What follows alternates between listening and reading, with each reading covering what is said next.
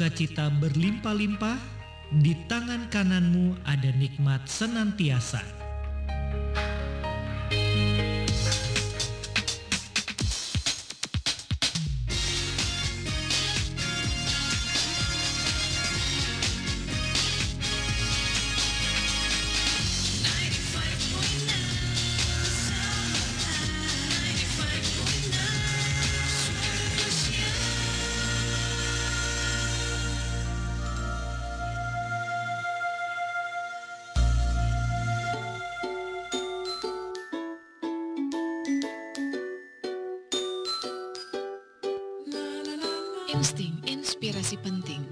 Kisah-kisah inspirasi yang penting untuk memperbaharui hati dan pikiran kita.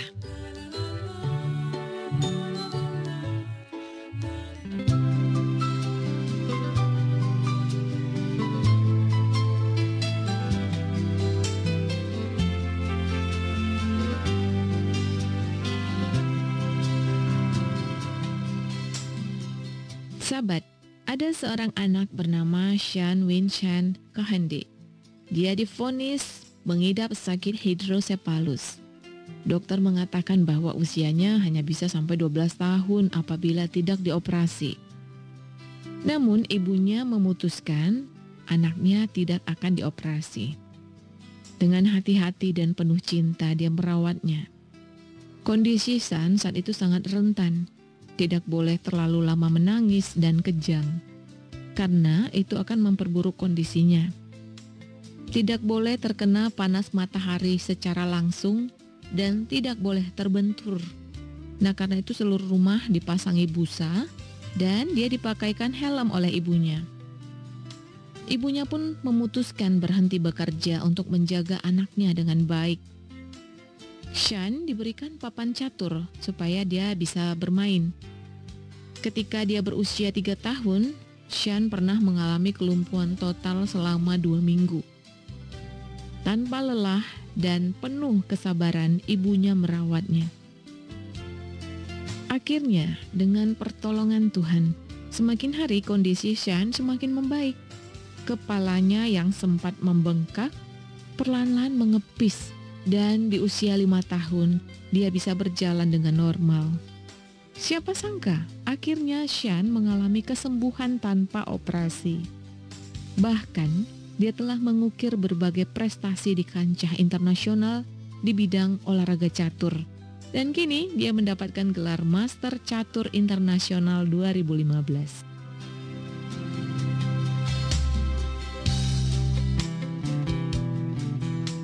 Masih di insting, inspirasi penting. Sahabat, pencapaian yang diperoleh oleh Shan merupakan hasil dari semangat perjuangan dan kerja kerasnya. Bila Tuhan berkehendak, hal yang mustahil pun dapat terjadi meskipun situasi dan kondisi tidak mendukung. Karena itu sahabat jangan putus asa dan hilang semangat. Teruslah belajar dan berjuang menghadapi berbagai tantangan hidup dan berserahlah penuh kepada kehendak Tuhan. Sahabat, bagaimana dengan Anda? Apakah situasi dan kondisi yang Anda hadapi saat ini cukup sulit? Apakah Anda tetap semangat atau malah putus asa? Apabila Anda mempunyai tanggapan atau pertanyaan mengenai hal ini, silakan SMS ke 0822 7498 7788 atau melalui email di cahyacintanegeri@gmail.com. Saya Eva Diana pamit dari ruang dengar Anda. Terima kasih untuk kebersamaannya. Sampai jumpa lagi di Insting Menarik lainnya.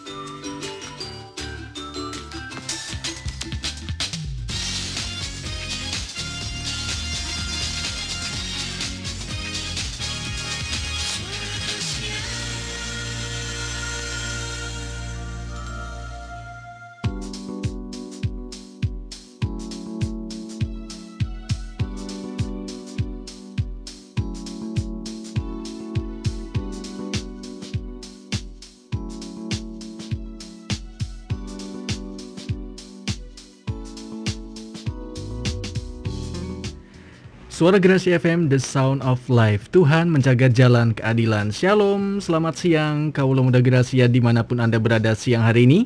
Suatu sukacita, saya Rinto bisa kembali menjumpai Anda di program Yang and Fresh edisi hari Sabtu tanggal 12 Februari tahun 2022. Oke, kaulah muda Gracia, di kesempatan siang hari ini kita akan kembali diberkati lewat renungan firman Tuhan yang nanti akan disampaikan oleh hambanya Kak Stevi. Dan saya percaya bahwa di saat siang hari ini kalian semua sudah menyiapkan waktu yang terbaik untuk sama-sama kita boleh mendengarkan renungan firman Tuhan supaya kehidupan kita, roh kita, kerohanian kita boleh kembali dikuatkan, diteguhkan lewat kebenaran firman Tuhan. Dan saat ini kita sudah terhubung dengan Kak Stevi lewat aplikasi Zoom. Langsung saja saya akan sapa Kak Stevi. Shalom Kak Stevi. Shalom. Iya. Apa kabar Kak Stevi? Luar biasa. Luar baik. biasa. Mantap. Mantap. Gimana nih kesibukannya nih hari-hari ini? Wah, puji Tuhan ya. Hmm. Tuhan banyak uh, percayakan pekerjaan pelayanannya. Iya. Yeah. Jadi ini lagi sibuk melayani Tuhan nih, Kak. Oke, tapi di tengah kesibukan uh, masih menyempatkan waktu ya untuk mempersiapkan materi untuk teman-teman kaum Gracia semua nih siang hari ini ya. Betul. Oke, Kak Stevi kita mau bahas apa nih di siang ini? Hari ini temanya mm -hmm. spesial banget nih. Apa nih? Bertemu jodoh dari Tuhan. ini kayaknya uh, apa ya suatu tema yang disukai banget sama anak muda ya. Iya, bicara soal jodoh ya. Apalagi para jomblo ya yang saat nah, ini mungkin iya betul. masih menanti-nantikan Soalnya ini kan ya. bulan-bulan Februari kan identik bulan-bulan penuh cinta gitu ya, kasih oh, sayang. identiknya ya dengan coklat iya. dan bunga mawar gitu. Nah, itu dia. Melambangkan Topik sebuah ditunggu-tunggu. kasih sayang ya. Oke. Uh, Kak Stevi sebelum mulai boleh bawa kita dalam doa?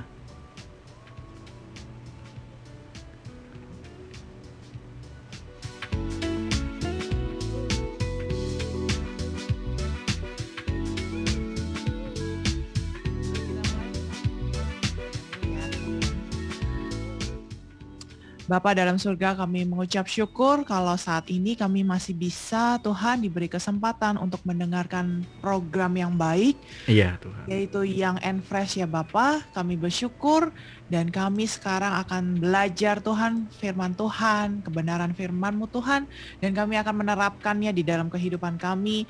Berkati juga hambamu yang akan menyampaikan isi hatimu Tuhan. Amin. Kiranya roh Tuhan berkuasa atas lidah dan bibir hambamu. Amin. Berkati juga jaringan agar bisa lancar sampai akhir dari acara ini. Amin. Di dalam nama Tuhan Yesus Kristus kami berdoa. Haleluya. Amin. Silakan Kak. Ya, terima okay. kasih waktunya nih Karinto. Sama-sama. Oke, oke guys, kita langsung aja nih. Pasti mm -hmm. banyak yang gak sabar tentang yeah. topik yang akan pada hari ini ya. Topiknya anak muda banget soalnya. anak muda banget ya, karena nih bikin anak muda tuh penasaran dan hmm. pasti banyak pertanyaan di kepala mereka tentang hmm. hal ini nih, okay. yaitu tentang hal jodoh. Jodoh. Ya. Pasangan hidup. ya. Tapi ini bukan biro jodoh ya, bukan ya? Oh, bukan, bukan, bukan biro jodoh. Yeah. Makanya saya kasih judul hmm. bertemu jodoh hmm. dari Tuhan nah, ya. itu dia. Bukan mencari jodoh lewat biro Tuhan. jodoh. iya, jangan okay. ya. Oke. Nah, teman-teman, biasanya kan ya tadi seperti di awal saya udah bilang kalau bulan ini kan bulan Februari ya, hmm. bulan yang penuh kasih sayang, kita hmm. mungkin ada yang ngerayain Valentine, tukar-tukaran coklat, hmm. mungkin ada yang ini kesempatan nih para cowok-cowok untuk nembak cewek ya kan, momen yang pas gitu ya. Hari baik gitu ya. Hari disebutnya hari baik. Ya, tanggal 14 Februari, wah, hmm. momen spesial. Banyak ya, iya hmm. sambil di storyin ini dia akhirnya jadi pasangan aku. Mana hmm. kamu? Mana punya kamu gitu ya. Gak taunya pasangannya nyewa ya. Cuma bahasa hari doang. iya, hmm. itu ya. Nah, di sini hari ini kakak tuh mau uh, kasih tahu ke kalian ya, mm-hmm. uh, buat anak-anak muda yang lagi mencari ya masa-masa mungkin bukan mencari ya masa-masa menunggu mungkin ya menunggu Hmm. kapan ya Tuhan eh, saya dipertemukan sama pasangan saya gitu Hmm, atau hmm. ada yang mungkin yang udah berpasangan gitu terus bertanya sama Tuhan Tuhan ini bener nggak ya ini jodoh dari engkau gitu ya banyak kan eh, anak-anak pada bingung tuh Hmm, banyak yang hmm. tanya bener nggak ya kak? Dia eh, he is the one ya kan? Atau she is the one gitu. Karena ini bukan masalah yang main-main nih teman-teman ya. Kalau udah terlibat masalah hati kalau kita salah pilih itu gawat sekali ya teman-teman ya. Karena kan di dalam Tuhan hubungan kita itu eh, kalau kita udah diberkati kita udah masuk ke dalam pernikahan itu tuh gak boleh ada perceraian gitu teman-teman jadi betul. kakak di sini mau pastikan supaya kalian itu benar-benar ngerti ya jodoh yang dari Tuhan tuh kayak apa gitu. Oke. Oke nih langsung aja kita masuk ya. Kita baca ke di Kejadian 2 ayat 18 ya. Bunyinya seperti ini teman-teman. Tuhan Allah berfirman, tidak baik kalau manusia itu seorang diri saja. Aku akan menjadikan penolong baginya yang sepadan dengan dia. Oke, sampai di sini dulu kita bacanya ya, teman-teman. Nah, di awal saya bilang kan, halo? Ya kak. Ya, oke kak. Iya. Ya. Iya. Oke oke. Lanjut kak. Nah, oke. Di awal saya bilang itu Mm-mm. judulnya bertemu jodoh dari Tuhan, bukan mencari jodoh dari Tuhan ya. Hmm, Karena kenapa nih Karinto? Iya. Karena jodoh itu ya, itu tuh inisiatifnya Tuhan sendiri. Hmm. Dan ini tuh termasuk janji Tuhan juga, Hmm, hmm, hmm. ya kan? Ini kan Tuhan yang bilang kalau nggak baik loh kalau manusia itu sendiri Betul. saja Hmm, hmm. aku akan menjadikan penolong. Hmm, Nah, aku di sini huruf besar berarti kan Tuhan sendiri Betul. yang akan menyediakan penolong buat eh, kita gitu ya. Hmm, hmm, Dengar hmm. dengar baik nih para jombloan jomblowati Ini ya. berlaku untuk eh, cewek maupun cowok ya kak ya. Iya dong. Iya. Karena kan Tuhan yang menciptakan kita, Hmm. Tuhan yang menyediakan juga nih eh, Hmm. kebutuhan kita. Hmm. Kalau Tuhan bilang eh, ya memang kita butuh nih pasangan atau penolong gitu ya. Hmm. pasti dia akan mempertemukan kita dengan orang yang tepat. Amin gitu. amin. Ya, Hmm. kalau saatnya tepat, kalau kamu udah siap gitu. Hmm, Betul. Jangan eh, fokusnya.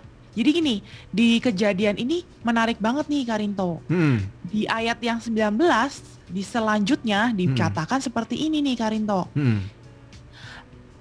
Kan di awal Tuhan udah bilang ya, dia akan menyediakan penolong bagi Iya. si Adam. Hmm. Tapi kenapa di ayat 19 sampai ke 21 Hmm. itu tuh topiknya jadi seakan-akan berubah gitu. Hmm.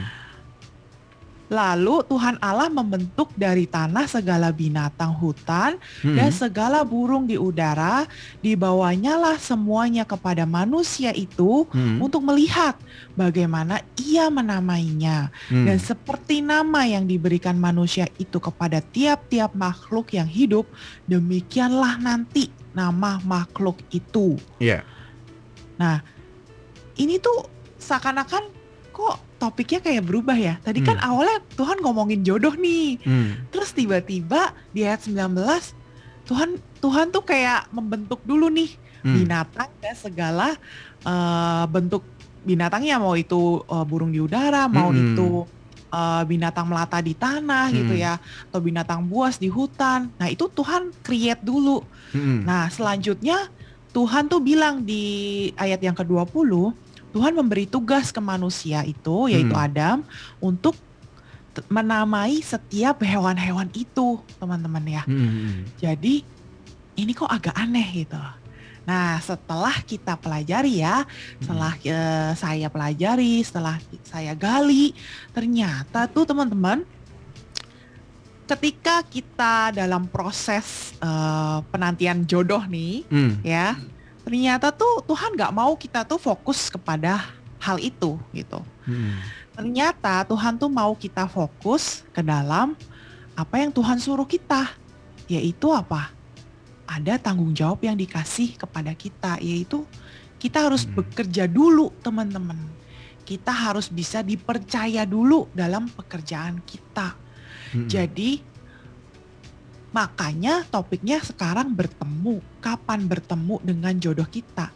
Pertanyaannya kan itu, kapan kita bertemu dengan jodoh kita? Ya. Ya ketika kita saat menjalani proses kehidupan itu sendiri. Ketika kita dalam sibuk-sibuknya nih bekerja dalam Hmm. kehendaknya Tuhan, teman-teman Mm-mm. ya. Nah, dikatakan berarti kan Tuhan kasih tanggung jawab nih. Mm. Nah, Adam mengerjakan sampai semua binatang itu ada namanya. Itu Hmm. nggak gampang loh teman-teman ngasih nama binatang.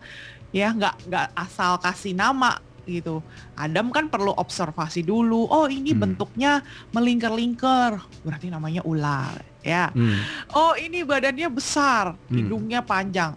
Oh cocoknya dikasih nama gajah. Mm. Nah itu aja baru dua. Iya. Adam bayangin pada waktu itu dia harus keliling loh Taman Eden itu Mm. ya taman yang seluas itu dia harus keliling berarti kan butuh proses butuh Hmm. waktu yang panjang ya sampai semua binatang itu dikatakan telah diberi nama Mm. sama si Adam nah setelah itu barulah Tuhan membuat Adam tertidur lalu dia mengambil apa teman-teman Tulang rusuk. tulang rusuk dari Adam lalu dia menciptakan Hawa ya penolong Hmm. bagi Adam dan dia dikatakan di ayat selanjutnya tuh teman-teman Tuhan sendiri yang membawa si Hawa untuk Adam Mm. gitu jadi Adam aja tuh nggak berdoa kepada Tuhan minta-minta pasangan hidup gitu Mm. ya Mm. tapi Tuhan sendiri yang berinisiatif untuk memberikan penolong buat Adam karena Tuhan merasa tidak baik nih kalau dia sendirian ya kan Mm. binatang aja ada pasangannya ya Mm. kerbau aja ada pasangannya Mm. gitu Masa kita teman-teman ya. jomblo gitu ya? Masa kita jomblo nah Tuhan eh, lihat hal itu tidak baik makanya dia berikan penolong yang yang sepadan Yang teman-teman ya. sepadan. Mm-mm. yang sepadan itu kuncinya itu yang sepadan ya Mm. jangan yang tidak sepadan. Kalau udah Tuhan yang kasih itu pasti sepadan ya, Iya. seimbang gitu ya teman-teman. Mm. Nah, terus selanjutnya eh pasti kita penasaran ya. Jadi gimana nih kak ciri-ciri jodoh yang dari Tuhan gitu ya? Mm. Kalau tadi kita udah tahu nih kapan waktunya kita bertemu sama jodoh kita, yaitu ketika kita sedang mengalami eh, tugas ya, sedang Mm. mengerjakan tugas dari Tuhan gitu, mengerjakan kehendak Tuhan. Mm. Mungkin ketika kita lagi bekerja, ketika kita lagi pelayanan, Mm. ketika kita lagi aktif-aktifnya di komunitas, mungkin di komsel, di apa pun gitu ya. Iya. Jadi ketika kita sedang dipercaya akan satu tugas dan tanggung jawab gitu Hmm. teman-teman. Nah sekarang yang kedua kapan kita bertemu? Ah sorry, Eh, ciri-ciri, Hmm. ciri-ciri kita eh, bisa tahu kalau itu tuh jodoh yang tepat ya buat Hmm. kita. Mm-mm. Nah ciri-cirinya yang pertama itu yang paling mutlak itu Hmm. adalah seiman teman-teman ya. Mm. Itu perlu diingat. Iya. Itu adalah eh pandangan Mutlak ya, kedua Kak ya? ya, mutlak. Jadi nggak bisa Hmm. ditawar-tawar nih teman-teman Hmm. ya. Wah, dia misalkan eh, tidak percaya nih sama Tuhan. Ganteng Tuhannya tapinya. beda. ya, karena kenapa? Karena dia ganteng, Kak. Mm. Karena dia Cantik. tajir. Mm. iya, dia pinter. Tapi dia nggak seiman. Mm-mm. Wah, itu harus dieliminasi tuh teman-teman ya. Betul. Karena itu sulit banget kalau kita uh, nggak dalam satu uh, iman ya Hmm. kepada Tuhan Yesus Kristus. Ya. Kita nggak sama-sama percaya kalau Tuhan itu adalah Yesus Kristus. Mm. Itu gawat banget teman-teman. Karena nanti ke depannya ya, Mm. ketika kita masuk ke dalam dunia pernikahan, itu akan sulit sekali kita menyeimbangkan uh, pikiran kita, perasaan kita, pendapat kita. Mm. Pasti akan banyak sekali perbedaan-perbedaan, teman-teman. Iya. Orang yang seiman aja tuh sulit loh Mm. menyeimbangkan, ya kan? Mm. Kan kata Tuhan sepadan. Nah, sulit tuh menyeimbangkan, berjalan beriringan. Mm. Gimana ini uh, tidak seiman, teman-teman ya? Iya. Nah. Kalau waktu pacaran mungkin nggak kelihatan ya kak ya. Karena biasanya kalau pacaran masih Iya. banyak yang ditutupi ya. Iya. masih banyak itu. mengalah gitu kan. Nanti begitu menikah kebongkar semua lah itu. ya. Iya, ini perlu diperhatikan nih Hmm. teman-teman semua. Seiman itu adalah eh, syarat yang paling utama gitu ya. Iya. Ingat baik-baik. Hmm. Nah, yang kedua, ya, yang kedua ini penting sekali nih, Kak. Hmm. Yaitu dewasa. Ya. Ya, harus Mm-mm. dewasa. Karena yang namanya pacaran ya, Mm-mm. itu bukan untuk anak-anak. Perlu Hmm. diingat nih teman-teman ya. Hmm. Bukan untuk anak-anak. Ini khusus orang dewasa Hmm. ya. Dewasa secara eh, jasmani juga, Hmm. mungkin secara usia ya, dan juga secara rohani. Ya, secara karakter dewasa, secara rohani juga dewasa nih teman-teman ya. Ya. Karena belum tentu juga nih kalau misalkan eh, kita bertemu berpasangan dengan orang yang mungkin usianya udah dewasa jauh di Hmm. atas kita. Hmm. Belum tentu juga dia dewasa secara karakter Betul. ya. Hmm. Ya ada juga yang orang dewasa tapi sifatnya kekanak-kanakan banyak gitu. Hmm. Makanya ini perlu eh, menjadi perhatian khusus nih teman-teman semua. Justru nanti Harus kita merasa berat ya dewasa. kak ya. Iya, nanti kalau kita berjalan bersama-sama, kita Hmm. akan merasa berat nih, Kak. Nih, Betul betul. bahaya banget karena Hmm. kalau pacaran belum dewasa, itu wah resikonya besar sekali. Nanti Hmm. kalau misalkan kita berantem ya, Hmm. kita akan mudah sekali tuh bilang, udahlah putus aja, ya, Hmm. udahlah pisah aja gitu. Oke. Nah, kalau masih pacaran aja gampang sekali bilang putus, gimana Hmm. nanti setelah menikah? Pasti kan udahlah cerai aja gitu. Hmm. Nah, Dikit-dikit ini ya, ngomong ini tidak cerai baik. gitu ya. tidak baik nih teman-teman karena Tuhan itu benci sekali yang namanya perceraian. Dia Iya. nggak suka banget ya yang namanya perceraian dalam alasan apa pun sebenarnya. Hmm. Karena Tuhan bilang apa yang sudah dipersatukan ya Hmm. oleh Tuhan tuh tidak bisa dipisahkan lagi oleh manusia gitu. Betul. Jadi itu harus prinsip yang kita pegang gitu teman-teman. Hmm. Hmm. Nah, untuk mengerti hal ini diperlukan pikiran yang dewasa, teman-teman.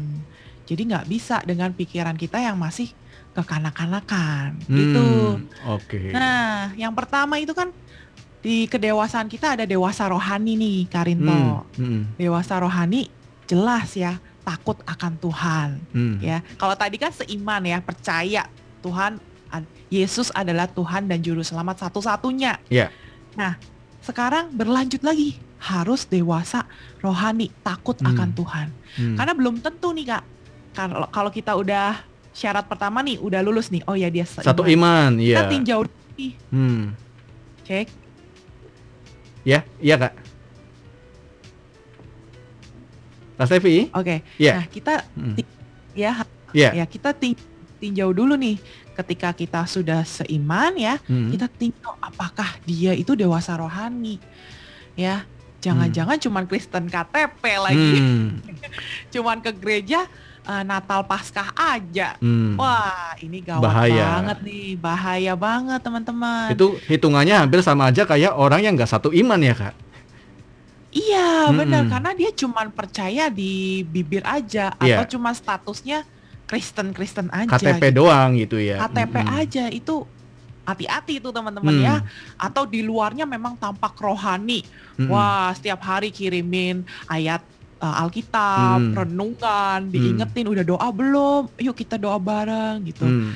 Itu belum tentu dia dewasa rohani loh. Iya. ya kita harus lihat dari keseharian dia seperti apa Iya. gitu teman-teman Hmm. karena kalau orang udah eh, takut sama Tuhan ya cewek ataupun cow- cowok nih udah Hmm. takut sama Tuhan dia taat sama Tuhan ya Hmm. dia nurut apa kata Tuhan dia pasti akan mengasihi dirimu juga teman-teman itu Hmm. otomatis gitu ya Iya. kalau dia udah mengasihi Tuhan, dia pasti juga akan mengasihi kamu juga gitu. Hmm. Itu syarat yang mutlak juga dewasa rohani. Hmm. gitu, Itu Kak ciri-ciri pertama ya kak ya.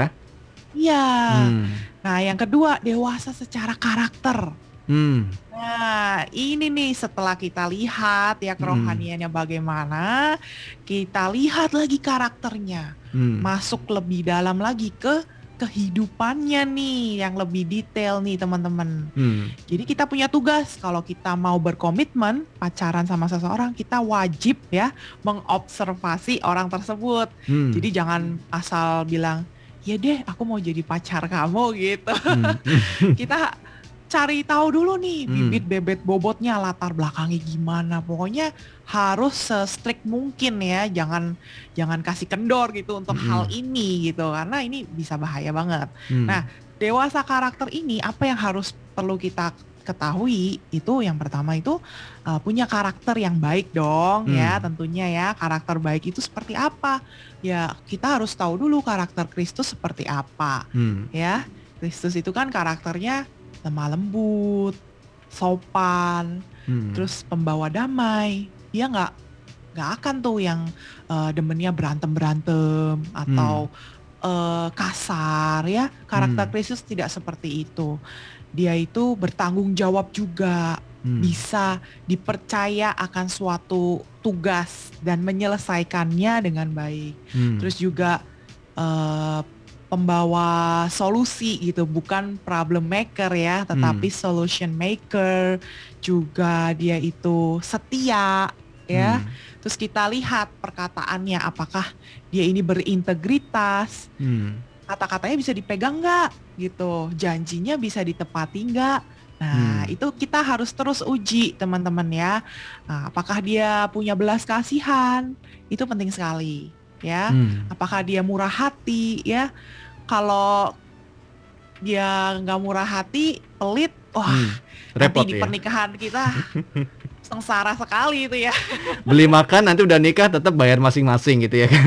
nah itu ya aduh Hmm. banyak sekali tantangan dalam pernikahan soalnya ini teman-teman Hmm. jadi sebelum memutuskan untuk bersama hidup bersama dengan eh, orang yang kita kasihi untuk selama-lamanya kita Hmm. pastikan dulu dia punya karakter yang baik nggak gitu. Hmm. dia sabar nggak dia pemaaf nggak pendendam nggak Hmm. kalau misalkan kalian ada konflik dia itu nyimpen nggak atau uh, mengutarakan membahas cari solusinya gimana ya Hmm. kan? Gimana pola pikirnya? Nah itu kita perlu tahu teman-teman ya. Hmm. karakternya baik nggak terus yang jelas ya kalau dia dewasa secara karakter Hmm. otomatis dia pasti punya pekerjaan dong Hmm. ya kan sudah dewasa Iya. karakternya juga udah dewasa otomatis dia pasti akan punya pekerjaan Hmm. ya eh, yang sesuai dengan passionnya jadi Hmm. eh, harus tahu jelas dulu passionnya apa ya pekerjaannya apa dia seneng nggak sama pekerjaannya dia Hmm. terus di pekerjaannya dia dia ngelakuinnya dengan sungguh-sungguh nggak gitu Hmm. itu penting banget teman-teman Iya. karena kalau nggak ada pekerjaan kalau pengangguran wah Hmm. repot ya Makan batu ya kak. Kita mau pacaran ya makan batu Makan batu kasih Ya. kuah ya. iya kita nggak bisa loh nanti kasih coklat di hari. Valentine atau kasih bunga ke pasangan kita kasih hadiah pakai apa Mm-mm. ya kita harus punya pekerjaan kita dulu dan kita harus secara ekonomi ya harus bisa mengelola keuangan diri sendiri dulu ya Iya. baru kita bisa bertanggung jawab akan uh, kehidupan orang lain juga gitu Hmm, itu salah satu ya, bentuk tanggung jawab ya kak ya. Tanggung jawab itu Iya. yang Tuhan mau ya Mm-mm. jangan uh, pilih pasangan yang malas gitu teman-teman Hmm. ya Cewek-cewek Malas diperhatiin bekerja, ya. terus ditanya kamu passionnya apa nggak Hmm. tahu Hmm. wah ini gawat sekali nih masa depannya mau dibawa ke mana gitu ya Iya iya. Nah, karena kita itu kalau kita main cinta-cintaan, kita tuh cinta nggak boleh buta gitu Hmm, Karito ya. Betul. Cinta itu harus terbuka, mata Mm-mm. kita terbuka, telinga kita terbuka. Kita banyak dengar dari orang-orang yang sudah punya pengalaman yang lebih Hmm. banyak ya. Hmm. Kayak misalkan nih lewat suara Gracia, lewat orang tua kita Hmm. atau kakak-kakak rohani kita. Itu penting sekali teman-teman ya. Hmm. Jadi kalau kalian punya gebetan, kalian eh, diskusiin dulu nih sama orang tua kalian dulu ya, Mm-mm. atau kakak rohani kalian dulu, karena jangan sampai kebalik. Kalau udah jadian, baru dibawa ke orang tua atau Hmm. kakak rohani Udah ya. telat ya. Itu itu langkah yang salah Mm-mm. ya teman-teman. Jadi kita observasi dulu, kita teliti dulu, kita punya pekerjaan apa, passionnya apa. Terus juga selanjutnya kalian tuh satu visi nggak? Hmm. Kalian punya visi yang sama nggak? Sepakat nggak akan hal-hal yang prinsipal? Mm-mm. Contohnya hal kekudusan ya, Hmm. harus disepakati dulu. Oke, kita pacaran kita harus jaga kekudusan nih, Hmm. karena Tuhan nggak suka kalau kita melanggar kekudusan. Hmm. Tuhan aja kan kudus. Kita harus jaga pacaran kita pacaran kudus sampai pada pernikahan baru kita boleh melakukan hal-hal yang boleh dilakukan Hmm. gitu ya. Jangan di luar dari pernikahan nih kita harus jaga hubungan kita. Nah, itu tuh Hmm. satu visi tuh Iya. Karinto. Terus Hmm. tujuan pacaran kita apa? Ujungnya mau dibawa ke mana nih? Ya, yang Hmm. namanya pacaran itu ujungnya harus pernikahan loh, teman-teman. Iya. Ya, jadi bukan buat Coba-coba ya? coba Hmm. ya main-main atau tebar Hmm. pesona sana sini. Hmm. Jangan itu fokus ke satu orang dan tujuannya pernikahan. Hmm. Itulah sebabnya per- pacaran bukan buat anak-anak, Hmm. khusus orang dewasa yang mau komitmen, mau Hmm. eh, Menikah. me- menikah ya, Hmm. mau beri apa Berumah tangga. ya, Hmm. berumah tangga, punya pasangan untuk seumur hidupnya gitu. Hmm. Nah, setelah satu visi, kita lihat lagi apakah pribadinya itu membuat kita semakin bertumbuh Hmm. atau enggak ya, bertumbuh secara rohani maupun berkembang secara kapasitas nih, Hmm. kapasitas diri ya. Hmm. Kita lihat pasangan kita ini eh, gimana kalau kita malah kerohaniannya jadi tumpul, nggak Hmm. nggak semakin dekat sama Tuhan, itu perlu dipertanyakan teman-teman ya. Hmm. Karena pasangan yang dari Tuhan itu pasti akan membawa kita, diri kita itu lebih deket terus sama Tuhan ya. Hmm. Makin cinta sama Tuhan terlebih dahulu gitu. Hmm. Makin penasaran sama Tuhan, makin haus dan lapar sama Tuhan. Hmm. Kalau misalkan pacarannya eh, lebih kepada diri sendiri, misalkan eh, kamu jadinya, misalkan nih ada banyak kasus soalnya ya, Hmm. ah kamu nih di gereja terus pelayanan terus, Hmm. kapan dong kita pacarannya Hmm. gitu. Udahlah nggak usah ke gereja, ayo kita nonton aja gitu Hmm. ya, malam mingguan bareng. Nah itu hati-hati teman-teman ya. Toxic Itu ya kan kak ya? Toxic itu ya. itu bukan malah kita rajin ke gereja atau Hmm. kita makin gali firman Tuhan, eh Hmm. malah kita diajaknya ke hal-hal yang Duniawi. Hmm. Iya, itu perlu hati-hati juga. Hmm. Nah, satu lagi nih yang terakhir itu ciri-cirinya bisa diajak kerjasama dan komunikasi ya Hmm. teman-teman ya. Ini penting banget juga karena di dalam pacaran itu kita perlu nih tukar pikiran, banyak ngobrol, curhat ya, Hmm. terbuka akan kekurangan kita, kelebihan kita apa, terus eh, sefrekuensi nggak ketika kita ngobrol, terus budayanya gimana, latar belakangnya gimana, keluarganya gimana, kesukaannya apa, Hmm. itu kan butuh komunikasi ya, Hmm. itu butuh ngobrol satu sama lain.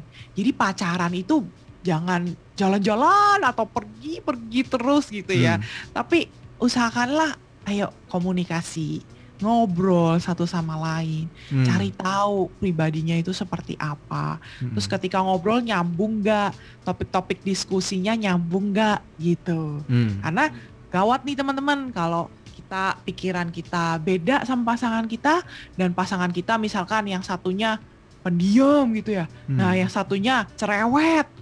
Nah, itu susah tuh apa menyeimbangkannya. Hmm. Harus mau saling sama-sama untuk berubah juga. Yang pendiam jadinya lebih aktif, Hmm. yang cerewet harus lebih ngerem. menahan. ya, itu kan latihan kerjasama namanya kan. Nah, itu teman-teman yang perlu diingat ya.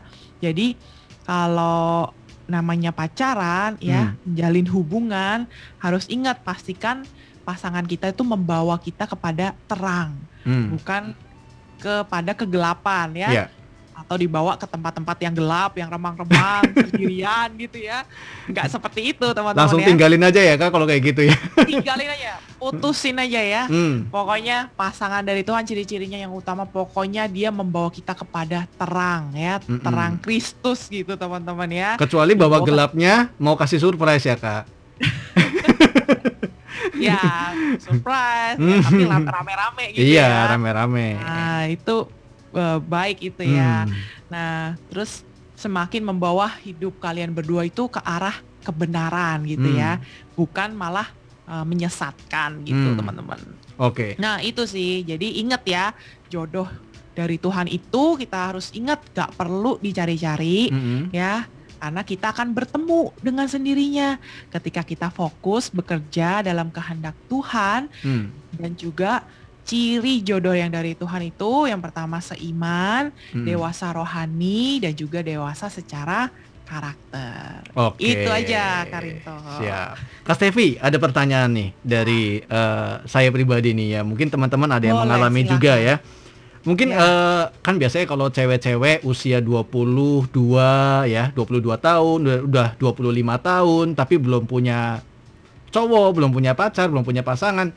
Salah nggak kalau misalkan eh, mungkin teman-teman ini eh, yang cewek-cewek berdoa sama Tuhan untuk meminta Tuhan aku minta jodoh dong gitu kan aku udah usia 25 tahun nih tapi aku belum punya pasangan nah kira-kira salah nggak sih kak kalau misalkan kita berdoa minta kayak gitu sama Tuhan Ya, doanya hmm eh, jangan minta. hmm Ya, jadi koreksi kata-katanya. Iya. Doanya kayak gini nih, buat kalian-kalian yang misalkan usianya udah udah menjelang 30 lah ya, Hmm, gitu, hmm, udah kayak dewasa ya. Cuman belum ketemu nih gitu ya. hmm, Nah, doanya tuh dirubah. Kita Hmm. jangan minta ke Tuhan ya. Kita bilangnya kayak gini, Tuhan, eh, aku mau dong dipertemukan dengan pasangan hidup yang tepat.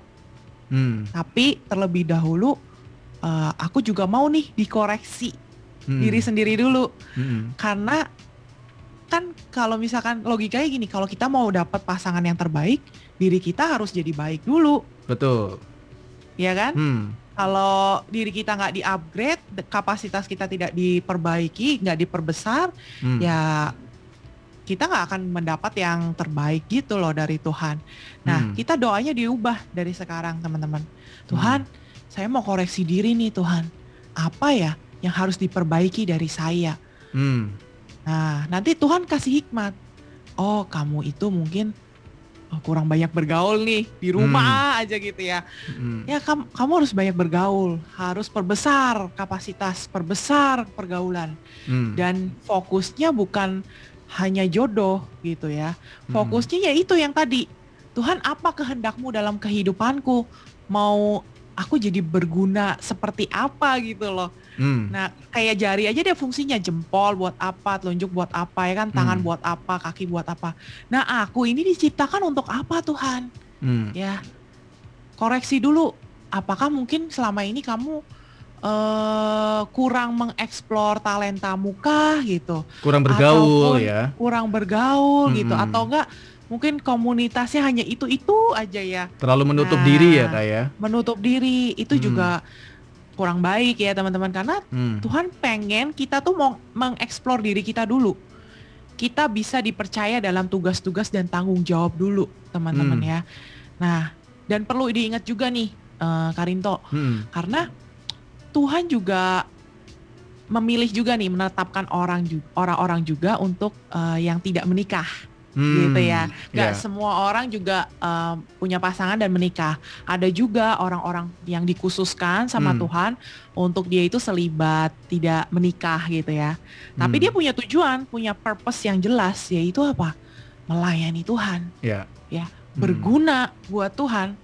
Wah, hidupnya buat banyak orang jadinya hmm, Eh, melayani ya, membantu, menolong, hmm, punya belas kasihan, pelayanan di gereja, pelayanan juga di pekerjaannya. Hmm. Pokoknya hidupnya benar-benar jadi berkat lah gitu teman-teman. Nah hmm. itu yang harus dikejar dulu teman-teman. Jadi bukan mikirnya jodoh dulu, tapi kita kejar dulu nih kehendak Tuhan atas hidup kita apa Hmm, gitu. Jadi nanti dengan- doanya diubah gitu. Iya betul. Karena di saat kita melakukan apa yang jadi kehendak Tuhan dengan sendirinya Tuhan itu Dengan akan sendirinya. mengirimkan ya kayak tepat pada waktunya ya. Ya, contoh nih seperti pengalaman sendiri ya, Hmm. Iya. pengalaman pribadi saya Hmm. gitu ya.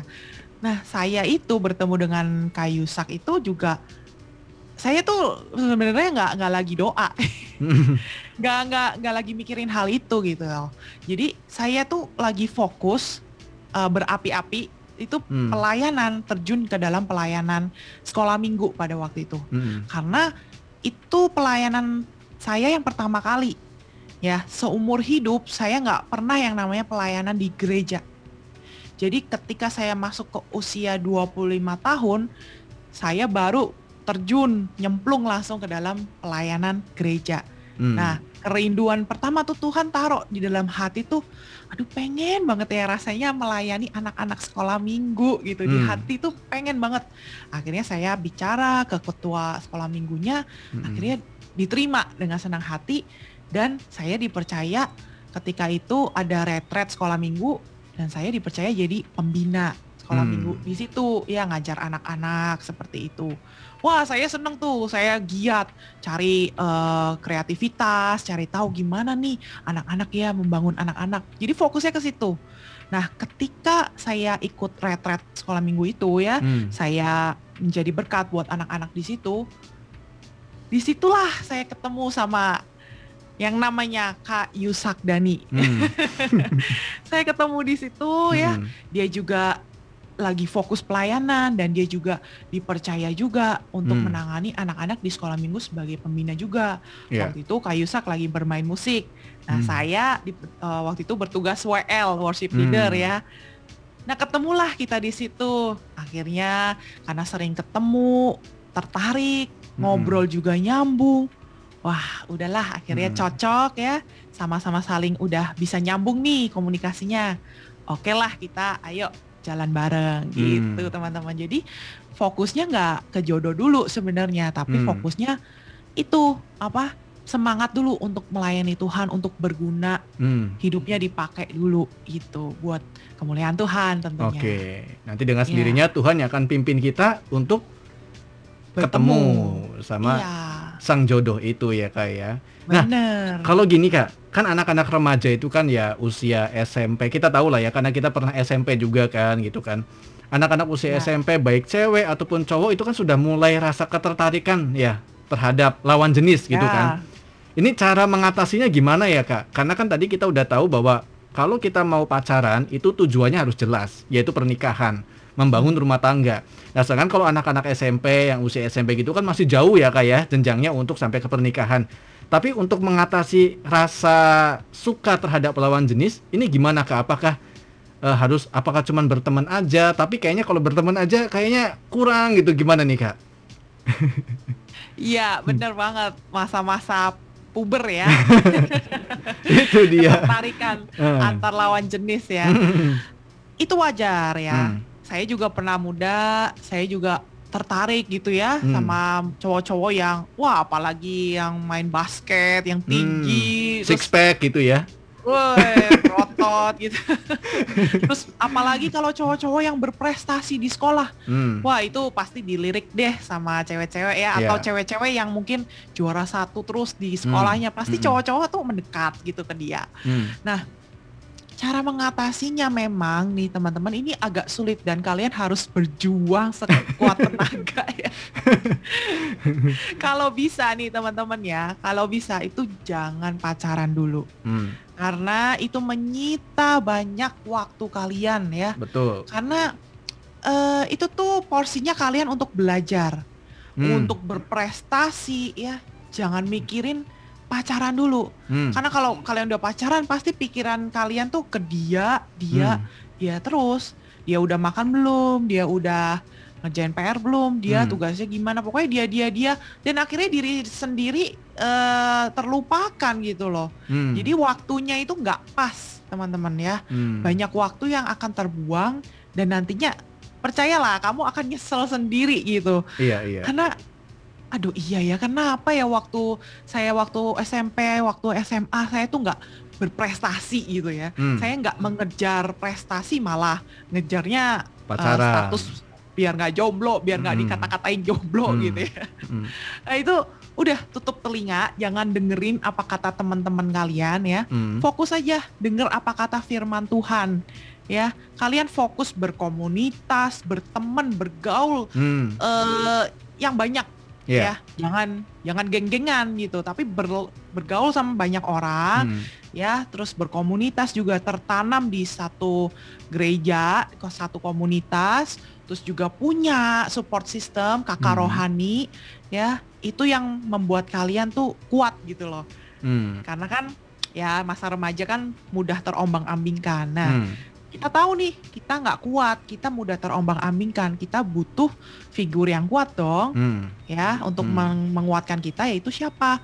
Ya orang tua kita, kakak rohani kita, komunitas kita gitu. Hmm. Jadi kita disibukkan dengan hal-hal seperti itu teman-teman. Pelayanan, sekolah, tugas, mungkin terlibat osis ya, Hmm. terlibat apa lomba-lomba. Itu yang Hmm. harus kita jadikan fokus utama teman-teman. Jadi jangan pacaran dulu deh. Iya, Tuh. Apalagi kalau ditambah pacarnya ternyata posesif ya kayak mau bergaul Wah. sama mau bergaul sama sini nggak boleh, mau pelayanan nggak boleh. Wah, kayaknya repot kalau kayak gitu ya. Nah itu kalau udah gitu kan Toxic dia banget ya. belum, belum dewasa ya. Ah, iya. Tadi kan syaratnya harus dewasa dulu. Hmm. Nah, kalau dia belum dewasa lebih baik jangan. Oke. Percaya deh kata-kata kakak-kakak ini ya. Kakak-kakak Sudah pengalaman. yang ekspres. Pasti Kadang- nanti endingnya indah deh. Iya, betul sekali ya. Ini se- Iya. sebentar lagi kan mau Valentine Day ya, wes. Iya. Nah, kita mungkin bisa lebih arahkan sekarang eh, momen spesial eh, Hari Kasih Sayang ini ke yang lain nih ya, Kak. Kalau biasanya orang eh, apa namanya? orientasinya kalau Valentine Day itu harus punya pacar, harus punya pasangan. Malu kalau nggak punya pacar.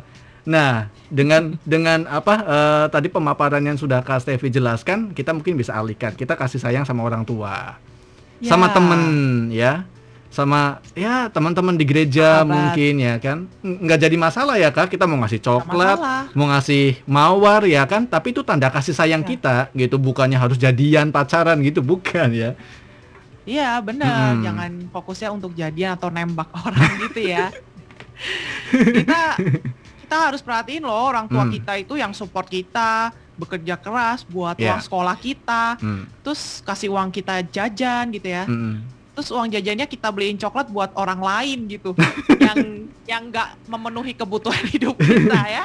Itu kan kayak wah gimana gitu ya sia-sia. Orang gitu tua ya. kita sendiri nggak dapat apa-apa ya Kak ya, cuma Iya, melongo doang. kita- orang tua kita ngelihat anaknya loh kok dia perhatiannya sama orang lain ya bukan ke Hmm, saya hmm. gitu. Jadi ya Nyesek juga ya kayak gitu. iya keluarga dulu, orang tua dulu, Iya. terus eh, lingkungan pertemanan dulu, sahabat-sahabat dikasih aja tuh coklat satu-satu Iya. gitu. Hmm. Itu teman-teman. Oke. Aduh, Kak Stevi, ini waktunya mepet banget karena abis ini juga ada talk show lagi. Oke. Jadi kita sudah sudah harus cut nih waktunya. Eh, terima Ya. kasih banyak nih Kak Stevi eh, siang ini udah kasih suatu penjelasan ke teman-teman semua supaya cara berpikir dari teman-teman ya anak-anak muda ini bisa berubah ya terlebih lagi yang masih sekolah belum masuk usia Ya. dewasa ya kan Eh, apa yang jadi prioritasnya harus diutamakan jangan arahnya cari jodoh dulu cari jodoh gitu kan jodoh mah itu nanti juga Tuhan bakal pertemukan ya kak ya Betul. Oke, terima kasih banyak Kak Stevi. Boleh eh, bawa kita tutup dalam doa? Boleh. Iya, silakan Kak Oke. Stevi. Ya, teman-teman, eh, kita sama-sama berdoa yuk. Hmm.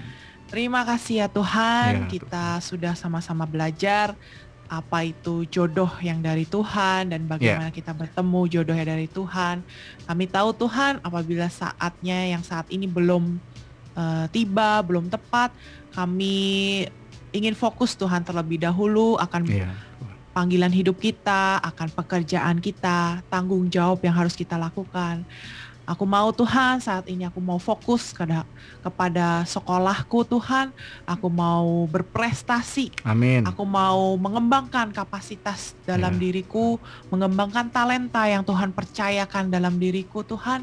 Aku mau Tuhan saat ini aku fokus kepada banyak hal, tidak Ya, memikirkan jodoh dulu Tuhan. Karena aku saat ini sedang dalam masa belajar, dalam masa pengembangan diri Tuhan. Dan suatu saat nanti aku percaya Tuhan Engkau akan mempertemukan dengan pasangan yang terbaik Amin. dari Tuhan. Dan kami juga berdoa Tuhan untuk teman-teman kami Tuhan yang mungkin saat ini uh, sudah bekerja juga, sudah berkomunitas juga, tapi belum bertemu dengan pasangan yang tepat.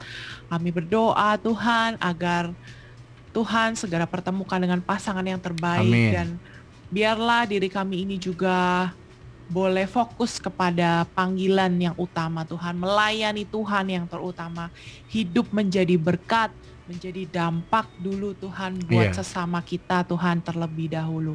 Terima Amin. kasih ya Bapa, kami bersyukur untuk firman Tuhan yang mengubahkan uh, pola pikir kami ya Bapa. Yeah, kami mau hidup terus di dalam kebenaran dan terang Kristus menerangi hati dan pikiran kami. Amin, amin. Di dalam namamu Tuhan Yesus Kristus kami berdoa. Haleluya. Amin. amin. Terima terima kasih banyak Kak Stevi. Semangat terus dalam ya, melayani Tuhan. Sampai nanti kita ketemu amin. lagi di pertemuan berikutnya ya. Tuhan ya. berkati Kak. Tuhan berkati. Shalom. Shalom. Oke. Oke, kira demikianlah program yang Enfresh pada hari ini, hari Sabtu edisi tanggal 12 Februari 2022. Saya percaya kita semua sudah diberkati Tuhan dan akhirnya saya Rinto yang bertugas pamit undur diri. Saya ucapkan selamat siang, selamat melanjutkan aktivitas Anda dan Tuhan memberkati.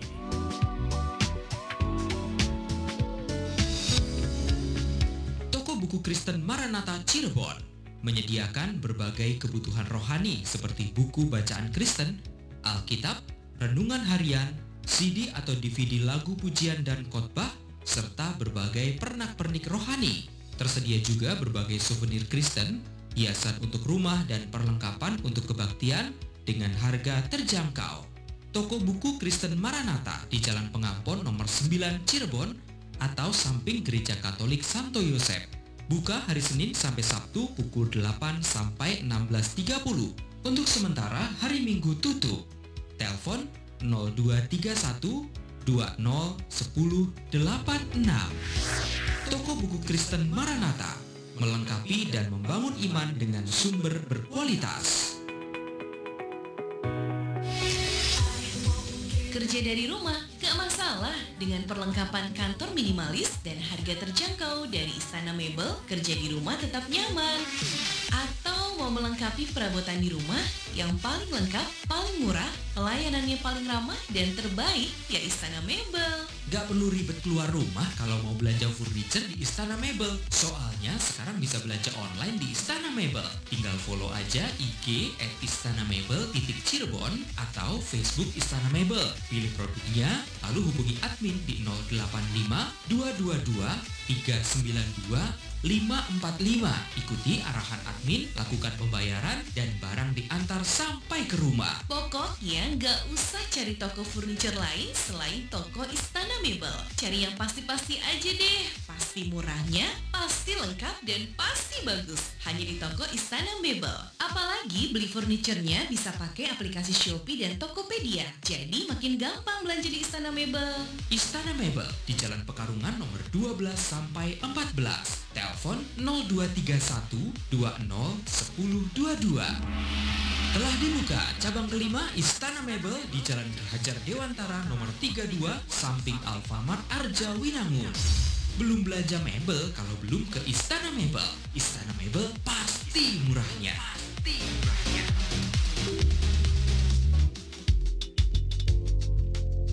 Best music for your life. 95.9 FM.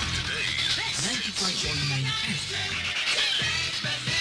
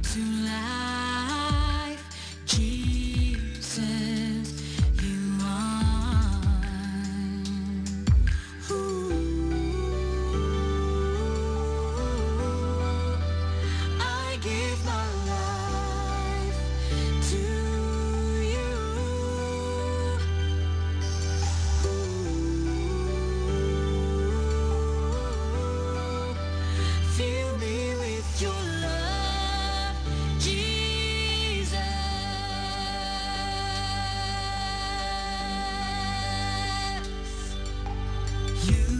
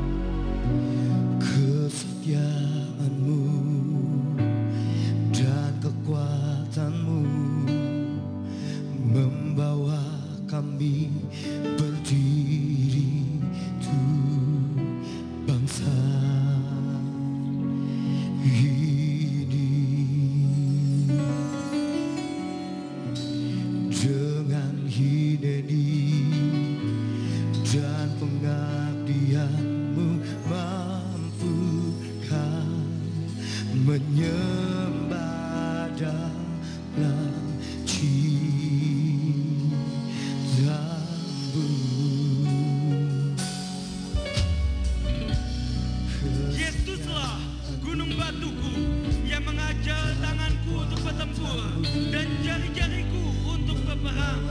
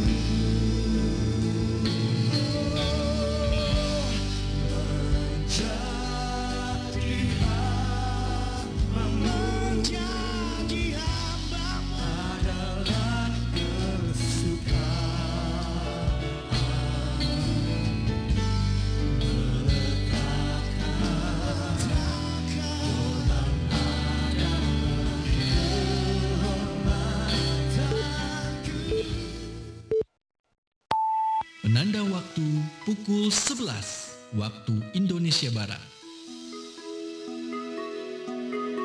Jangan takut pada kesulitan, karena Allah dapat memberikan